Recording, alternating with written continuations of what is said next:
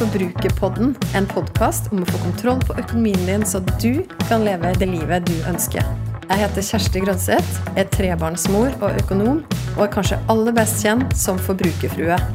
La oss snakke litt om forbruk, for alt starter med det.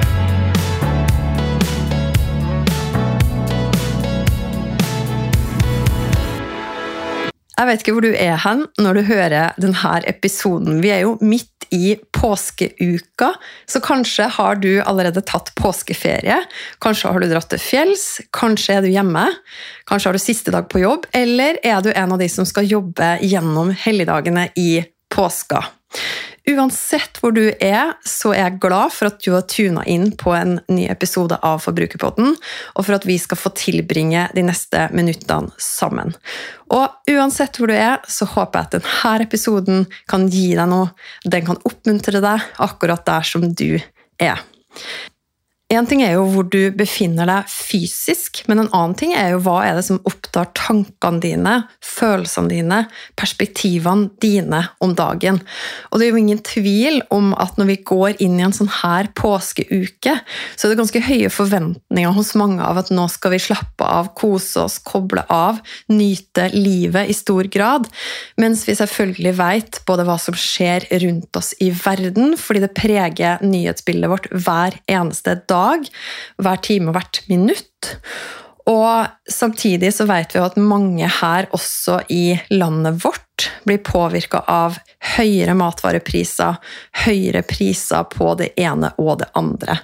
Og i den store sammenhengen så jeg vet ikke hvordan du tenker, men jeg føler ofte at mine utfordringer, mine problemer, blir litt små når jeg sammenligner meg da med krig, konflikt, kriser rundt omkring i verden.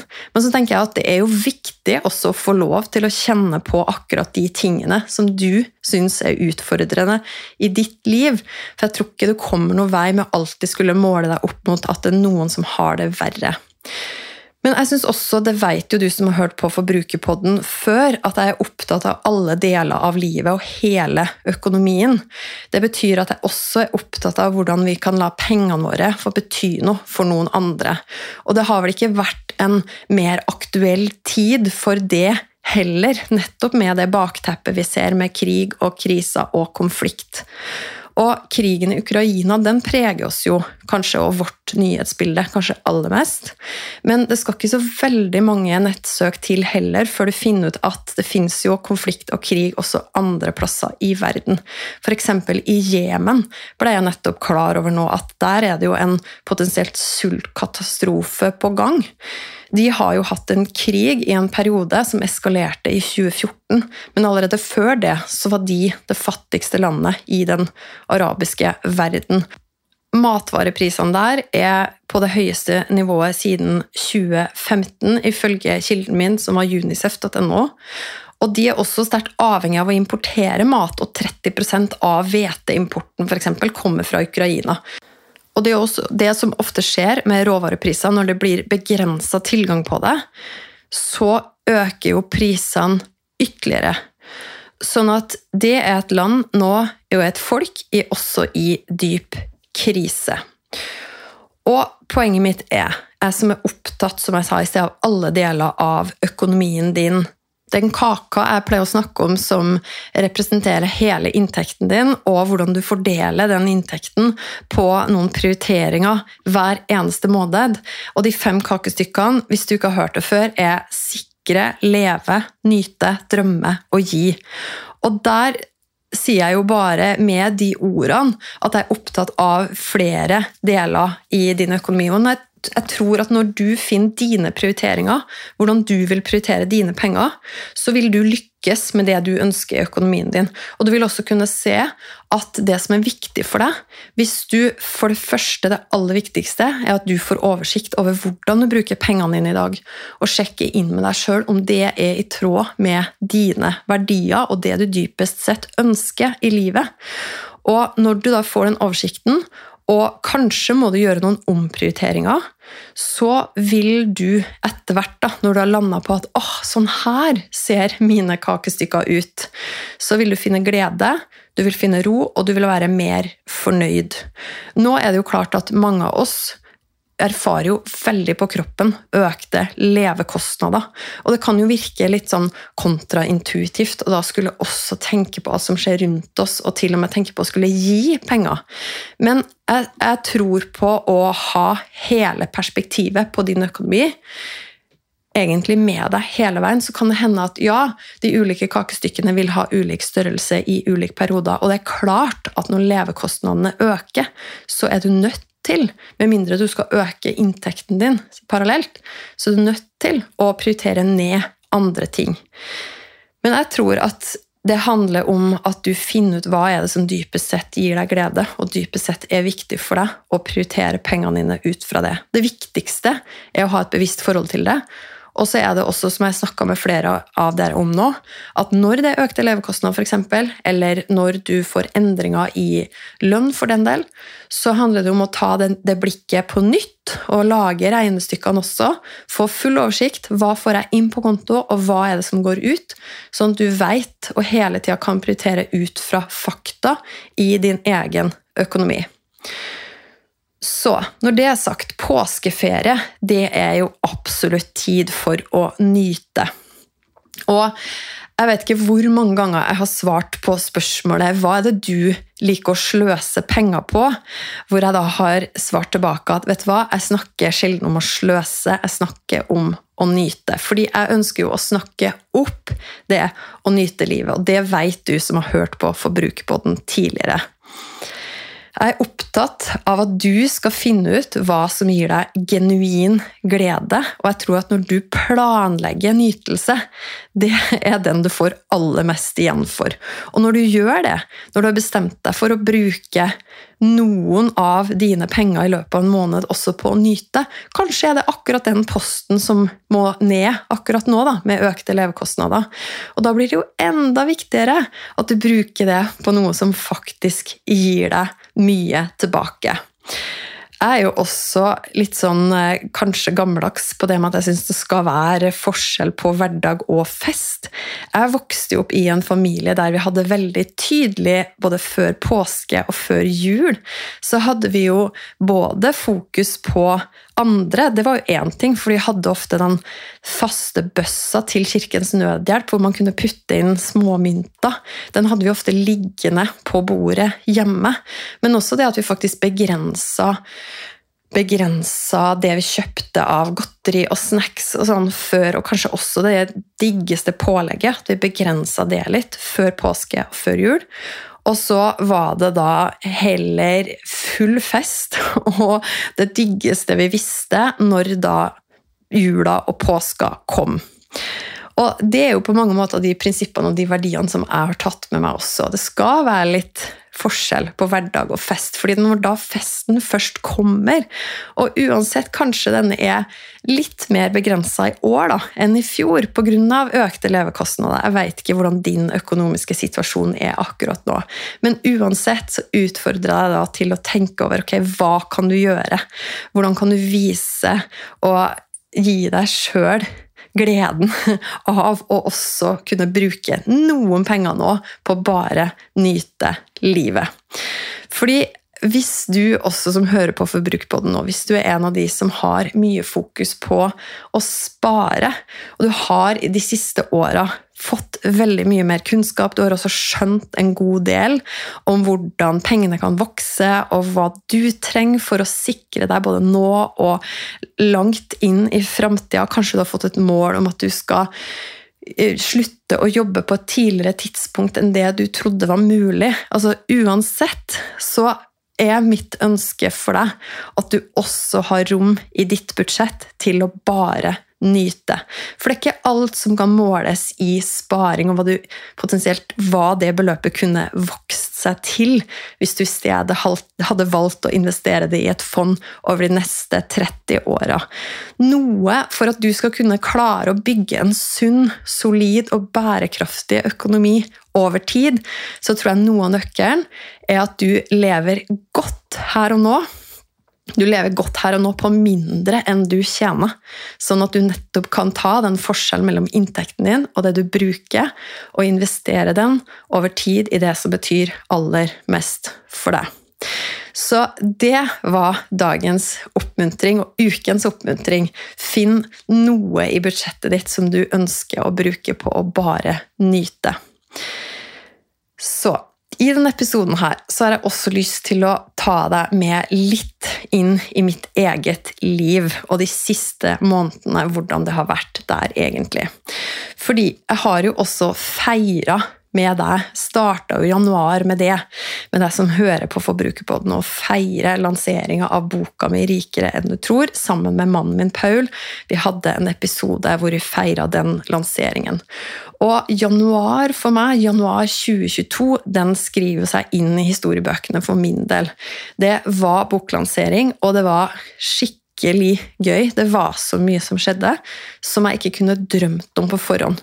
Og det som jeg også syns er fint å tenke tilbake på nå, er at jeg var veldig til stede. Jeg var veldig til stede i alle øyeblikkene og var supertakknemlig for alt det som jeg fikk lov til å være med på. Og det føltes jo på mange måter, da Du som hører på, som har barn, som har født barn, du veit jo kanskje hvordan det er. Altså, etter et langt svangerskap så kommer fødsel, og så er du egentlig dødssliten. Men så er det jo ikke noe annet du har lyst, mer lyst til enn å vise fram babyen din til verden. Og du har, kroppen din spiller også på lag i den forstand at du, du, har masse adrenalin i starten for det du har vært gjennom. Så det passer jo fint. Da må bare kjøre på. Det, det har i hvert fall jeg gjort. Etter alle mine tre fødsler så har jeg liksom kjørt på og kjent at ok, men nå skal jeg bare ut og vise her, det her vidunderet til verden. Og litt det samme var det nå med den boka. At det var helt fantastisk gøy å bare ta den ut i verden og være stolt og vise den fram. Men det som er, det er jo at man blir jo sliten. Man blir sliten av et svangerskap, man blir sliten av en fødsel. Eller hvis du ikke har barn og ikke har født, så har du kanskje andre perioder der du har gjort en lang en eh, maraton, og så har du Eller du har gjort en eh, skoleoppgave eller hva som helst egentlig som du har jobba med over lang tid. Og så er du ferdig, og så har du levert, og så er du kjempestolt og fornøyd, men så er du egentlig også veldig sliten. Så det som skjedde med meg i februar, var etter hvert Jeg oppdaga det ikke med en gang, men jeg gikk, jeg gikk på en liten minismell, vil jeg si, i februar. Og I forrige uke så kunne du høre meg som gjest i Mira Khan sin eh, kjempefine podkast 'Mamma jobber'. Og Der snakka jeg om hvordan jeg kombinerer da egentlig full jobb. Den var litt redusert i forbindelse med boklanseringa og bokskrivinga. Men kombinerer da full jobb med også å drive podkast og eh, litt andre ting som jeg driver med. Og har jo også tre barn.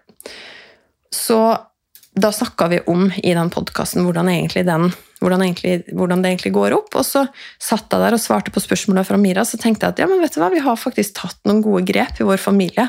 Og jeg kjente meg stolt av de prioriteringene vi gjør, og kjente at ja, men det her, det her går faktisk ganske bra. Men det var så rart, fordi at fra det øyeblikket jeg egentlig satte meg i bilen, skulle kjøre hjem fra den podkastinnspillingen, så kjente jeg på veldig sånn Ok, men hva sa du egentlig nå? Sa du at du hadde kapasitet til å drive med alle de tinga her? Men, og så kjente jeg bare Fikk bare masse masse tanker knytta til min egen kapasitet og kjente meg supersårbar. Og lurte på hva var det jeg egentlig hadde sagt. Og hva var det jeg egentlig hadde trodd om meg sjøl og min egen kapasitet. Og det ble på mange måter starten på det jeg skjønte da var den der minismellen. Hvor jeg kjente at min egen kapasitet var utfordra så til de grader. Og så har jeg også vært i en periode der For jeg har jo valgt den veien her da, med podkasten er én ting, men det kan hende du som hører på, også følger meg i sosiale medier. Instagram og Facebook er jo der jeg er mest. Og så har jeg syntes at det har vært liksom vanskelig å møte opp der. da, Sjøl om jeg egentlig har følt meg veldig sliten, vært veldig usikker på hva er det eh, Hva har jeg av verdi å gi til deg som skal følge meg? Og det samme med podkasten. Hva, hva, er det jeg har å gi av verdi når jeg da egentlig føler at jeg er ganske sliten sjøl, uten at jeg helt skjønte det da, de ukene? Men så klarte jeg å, å nøste litt opp i ting, og så beskrev jeg det litt som at jeg hadde, i og med at jeg hadde prioritert den boka og boklanseringen og sånn, og og da hadde jeg jo satt noen andre oppgaver da, litt på vent. Så det føltes på meg som at jeg hadde en eh, kredittkortgjeld på oppgaver og timer jeg skulle brukt på andre ting. Og så føltes det også som jeg ikke hadde en buffer av f.eks. søvn, og jeg hadde nedprioritert trening osv. Så, videre. så for å snakke økonomisk språk, da, så hadde jeg kredittkortgjeld når jeg kom inn i februar, men bare på timer og, og ting jeg skulle ta igjen. Og jeg hadde ikke noen buffer i form av da mangel på søvn og ja, mangel på trening. Så det var rett og slett den situasjonen som jeg befant meg i. Og kjente meg veldig, veldig sårbar. Og skjønte jo etter hvert at ok, men det her, det her er mer enn at det bare går over med noen positive tanker i løpet av et par dager. Her må jeg faktisk gå litt dypt. Sånn at i mars så har jeg brukt veldig mye tid på egentlig å tørre å kjenne etter og evaluere. Ok, men hva er det, hva er det jeg prioriterer? Hva er det jeg gjør? Og også kunne tørre å stille meg sjøl noen viktige spørsmål. da og så, og så, har jeg kommet fram til et par ting, og det her tenker jeg er veldig overførbart også til deg som hører på, når du skal ta tak i din egen økonomi, eller kanskje du også har andre ting i ditt liv, om det er jobb eller karriere eller en, en greie du gjør ved siden av jobb, jeg vet ikke, hvis du er i litt samme situasjon som meg. Men også når du, sette, når du har satt deg eller setter deg et økonomisk mål, så er det noen ting som jeg fant ut om meg sjøl, som jeg tror er overførbart. Og to stikkord for min del. Det ene er selvtillit, og det andre er struktur. Så jeg kjente jo det at når jeg kom ut av den perioden, jeg, da var jeg ganske sårbar. Og da hadde jeg Kanskje ironisk nok, men fordi at det gikk jo kjempebra med den boklanseringa, vet jeg at så mange av dere også har fått tak i den boka og har fortalt meg at dere har fått masse verdi ut av den allerede. Men jeg tror at det skal ikke så mye til for min del da, for at jeg kjenner meg ganske sårbar. Og at jeg også blir usikker på ok, men hva, hva, hva er greia nå? Hva er det egentlig? Hva, hva er det jeg egentlig skal dele om? Hva er den kunnskapen jeg egentlig har? Og så, og så gjør jeg det litt vanskelig for meg sjøl med at jeg glemmer litt å f.eks. gå tilbake til ok, men hva, hva, var det jeg begynte å snakke om? Hva var grunnen til at jeg begynte å interessere meg for personlig økonomi eller snakke om det i utgangspunktet. Hva var det som dreiv meg? Jo, det var jo den der følelsen av å lære meg noe nytt. Jeg kunne jo nesten ingenting da jeg begynte for tre-fire år siden å snakke om personlig økonomi i sosiale medier. Så kunne jeg nesten ingenting om aksjemarkedet eller hvordan pengene skulle vokse mest mulig på lang sikt. Så det var jo, Men det var gøy å lære, det var masse ny kunnskap. Og selvtillit det kan jo komme av kunnskap. Det kan det absolutt, men så kommer det også først og fremst av at du mestrer noe. At du gjør noe aktivt, at du følger opp noe du sier at du skal. Og det er ikke så rart for min del at jeg befant meg på en litt sånn der krasja sted når jeg da hadde tatt Eh, og nedprioritert viktige deler av mitt eget personlige liv. Da. Men jeg tenker det er jo sånn også i din økonomi. Hvis du ønsker å ta grep, så handler det om at du, har selvtillit, du får selvtillit av at du kjenner at du mestrer, at du kjenner ja, du lærer deg noe nytt, men også at du gjør noe, at du tar noen grep. Det er hver eneste gang jeg har fått til en bra deal, eller at jeg har forhandla en avtale, eller sånt, da kommer den selvtilliten tilbake. Og det vet jeg at den gjør for deg også. Og når du følger opp noe du sier at du skal. Og så fant jeg en sånn gammel artikkel fra forskning.no som snakka om det med selvtillit, og den hadde tre steg da, til hvordan du kunne booste selvtilliten din. Det første er jo å sette deg realistiske mål. Så hvis du har noe du ønsker å oppnå i økonomien din, så er det jo greit at det er noe som du kjenner at åh, oh, ja, det her strekker strekke meg. Og det skal være litt sånn både strekk og skrekk i måla våre. Og noen sier jo til og med at hvis drømmene dine ikke skremmer deg, så er de ikke store nok. Men samtidig, når det gjelder måla våre, de konkrete måla, så bør jo de være noe som er Vi ser at åh, men vet du hva, med innsats så er det faktisk også innen rekkevidde for min del. Det kan i hvert fall være med på å booste selvtilliten din. Og så Det andre tipset det er å se for deg at du lykkes. Så når du skal sette deg et økonomisk mål og se da at oh, men vet du hva, det, det vet jeg faktisk, det tror jeg faktisk på at jeg klarer. Det tredje det er og faktisk helt sånn fysisk stille deg opp på en måte som uttrykker stor selvtillit. For da kan du heve nivået av testosteron i kroppen, og så senkes samtidig mengden av kortisol, som da har positive virkninger på prestasjonene, altså stresshormonet kortisol. Og det gjelder både for menn og kvinner. Så nå ser jeg for meg deg da, som ønsker å oppnå et eller annet i din økonomi, som faktisk stiller deg opp i en litt sånn power, power position, og så sier du til deg sjøl at du kommer til, og at du, du ser for deg at du kommer til å lykkes med det du gjør. Og jeg har spilt inn, midt i denne perioden min, da, så har jeg jo søkt inspirasjon, jeg også, i, og, og, forsøkt å lytte til sånne kloke, gode stemmer.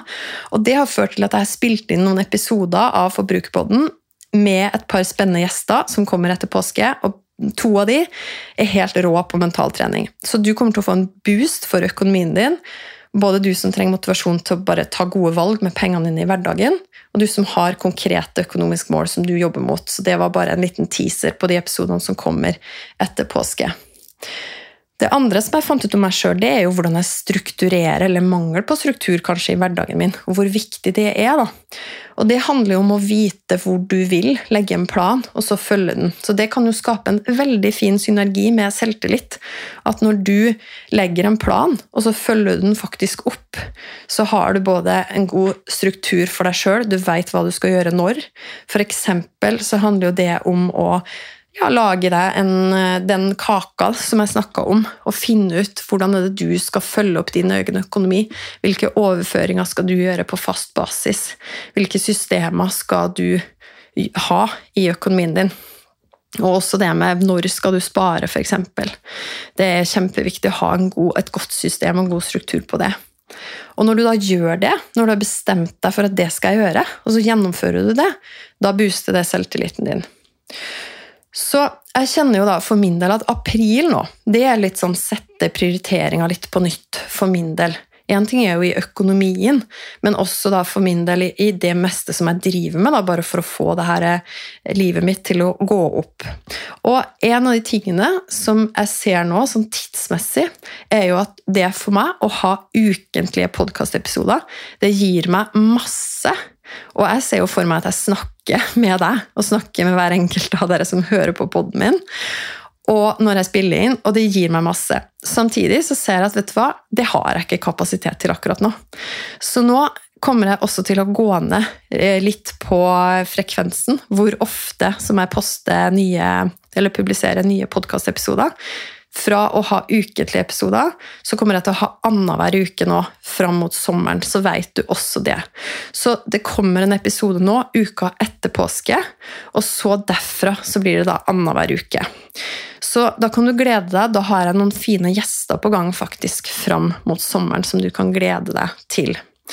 Så det var den påskehilsenen som jeg hadde lyst til å spille inn til deg, hvor jeg snakker og trekker inn litt ulike perspektiv av det jeg er opptatt av i økonomien, og det jeg vet at mange av dere også har lært, det enkle verktøyet med den kakemodellen, og syns det er et kraftfullt verktøy å bruke, nettopp fordi det synliggjør prioriteringene dine og hva som er viktig for deg. Og så hadde jeg også lyst til å dele litt mer personlig fra mitt liv og min reise, og da gi deg den informasjonen til slutt om podkasten framover. Jeg gleder meg masse til å slippe de neste episodene til deg. Og som jeg sa, jeg har prata med noen kjempespennende folk, så det er bare å glede seg. Og så ønsker jeg deg og dine, der du er, en nydelig påskeferie hvis du har ferie. Og uansett kjempefine påskedager, hvor jeg også håper at du får kobla av og kobla på det som er aller viktigst for deg. God påske! Jeg vil gjerne vite hva du tenker etter å ha hørt episoden. Så koble med meg på Instagram. Der finner du meg som forbrukerfrue. Send meg en melding. Tagg meg gjerne i Story og del episoden her hvis du likte den. Eller send meg spørsmål. Og husk å abonnere på podkasten Forbrukerpodden, så får du beskjed hver gang det kommer en ny episode. Vi høres!